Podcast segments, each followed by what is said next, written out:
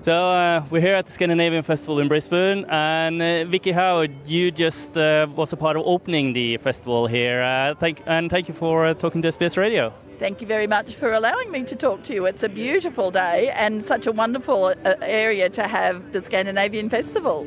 Yeah, it's beautiful blue sky here today, and I heard uh, some rumors about some heavy rain here uh, yesterday. We had what was called the first spring storm, which sort of wouldn't allow airplanes to land, and there was rain, and it was uh, quite a drenching. So, to have this beautiful weather today is just delightful. And you're the Brisbane City Councillor for Central Ward, which covers this area. Why is it so important to have festivals like this around here? Well, Brisbane City Council sponsors many multicultural festivals right across Brisbane.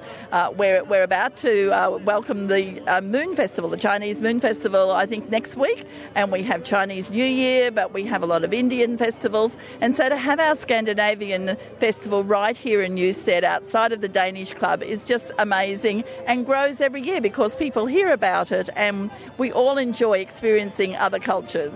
You've been here before. Uh, what's your experience with the festival, uh, your personal experiences? Well, last year um, I wasn't the councillor for this area because the boundaries changed. So um, last year I was here just as a, as a local and thoroughly enjoyed it. But this year I'm absolutely delighted to be the councillor representing this area and to be able to welcome people to this ward and to make sure everyone's having a wonderful time.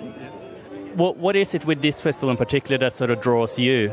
Well, I think the music. You cannot go past the music as you walk down the street and you hear that wonderful beat, and you see people just start to become happier because they can hear the music. But I think it's also the food. Everybody is is so excited about that.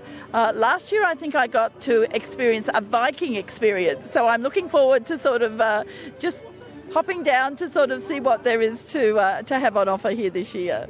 Yeah, the Vikings are here as well this year. I've seen them uh, down there. And uh, Vicki, thank you so much for talking to SBS Radio. Thank you.